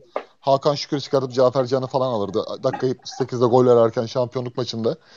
Yani o o frekansa çok giriyor ama e, ben doğru bulmuyorum. Onu Maradona bile Arjantin milli takımında zamanında yapmıştı işte. Zanetti ile Cambiaso ile kavga etmişti 2010 Dünya Kupası öncesi. Onları almamıştı vesaire. E, yani Emre'nin o konuda biraz böyle yatışması lazım abi. Çünkü e, gerçekten de hem iyi yönetiyor abi. Basın toplantılarındaki İtalyanca, İngilizce işte Hatay maçındaki mesela şeyi bile haklı. Adama öyle bir haksız duruma düşürüyor ki yaklaşımı. Hani adam eline almış kamerayı Hani onu çekme bunu çek tarzı bir şey yaşanıyordu ya geçen Abi gün. Ben bak orada mesela şu an bu kadar olumlu konuşmaya çalışmamın sebebi Ben orada çok Emre, Emre Belezoğlu'nun çok haklı olduğunu Yüzde yüz haklı. Bilerek Yüzde yüz. üzerine oynuyor. Şimdi bu adam sinirli bir adam öyle bir şey yapacak ki ben bunu öyle gıcık edeceğim ki manşet çıkaracağım diye bilerek üzerine oynuyor ve bence kendisini iyi tutuyor orada yani. Tabii yüzde yüz haklı. Ama mesela abi fıtı fıtılarda geliyor. Gelmiyor değil. Şimdi mesela bir oyuncu o kadar çok kenardan bağırıyor ki, o kadar çok söylüyor ki biz ona bakmaktan topumuz oynamıyoruz demiş mesela. Hmm, evet. O kadar yani o kadar çok bir müdahale ediyor ki hani Polat Alemdar'ın Aslan amcayla çatıda var ya. Hocam ben diyor ben diyor sana bakmaktan ben diyor kaleye gidemiyorum diyor ya yani. Kenara bakmaktan maçımı oynamıyorum diyor ya. Aynı öyle yani. Yani birazcık bunu şey yapması lazım ki e, o enteresan örneğindeki gibi ikincilik topçusu bile bu kadar bir e, yüksek egoya sahipse Süper Lig'deki topçuların zaten biliyoruz nasıl olduğunu. Okan Buruk'un da mesela oradan ayrılma zamanı geldiğinde Aykut Kocaman getirildiğinde bile e, işte ismini okuduğumuz bazı topçuların bile o dönem e, etkin söz sahibi olduğunu söylüyorlar. Yalnız en şaşırdığım istatistik siz konuşurken hatta isterseniz onunla kapatırız saat bir buçuk oldu. Abi ligin havada en başarılı hamle yapan, en çok hamle yapan takımının Galatasaray olması 1.12 boy ortalamasıyla. Abi o şeydir be. Abdülkerim de Nelson'dır. Abi herhalde yani ben olacak halim yok 1.10 boyum. Yani-. Ama adamlar maki- makine abi yani onu ben şaşırmıyorum ya. Her şeyi çok- alıyorlar çünkü abi.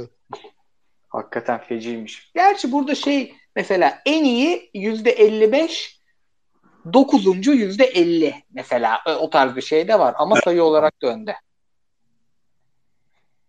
Ligin en Diyelim. çok çalım atan takımı da Fener'miş.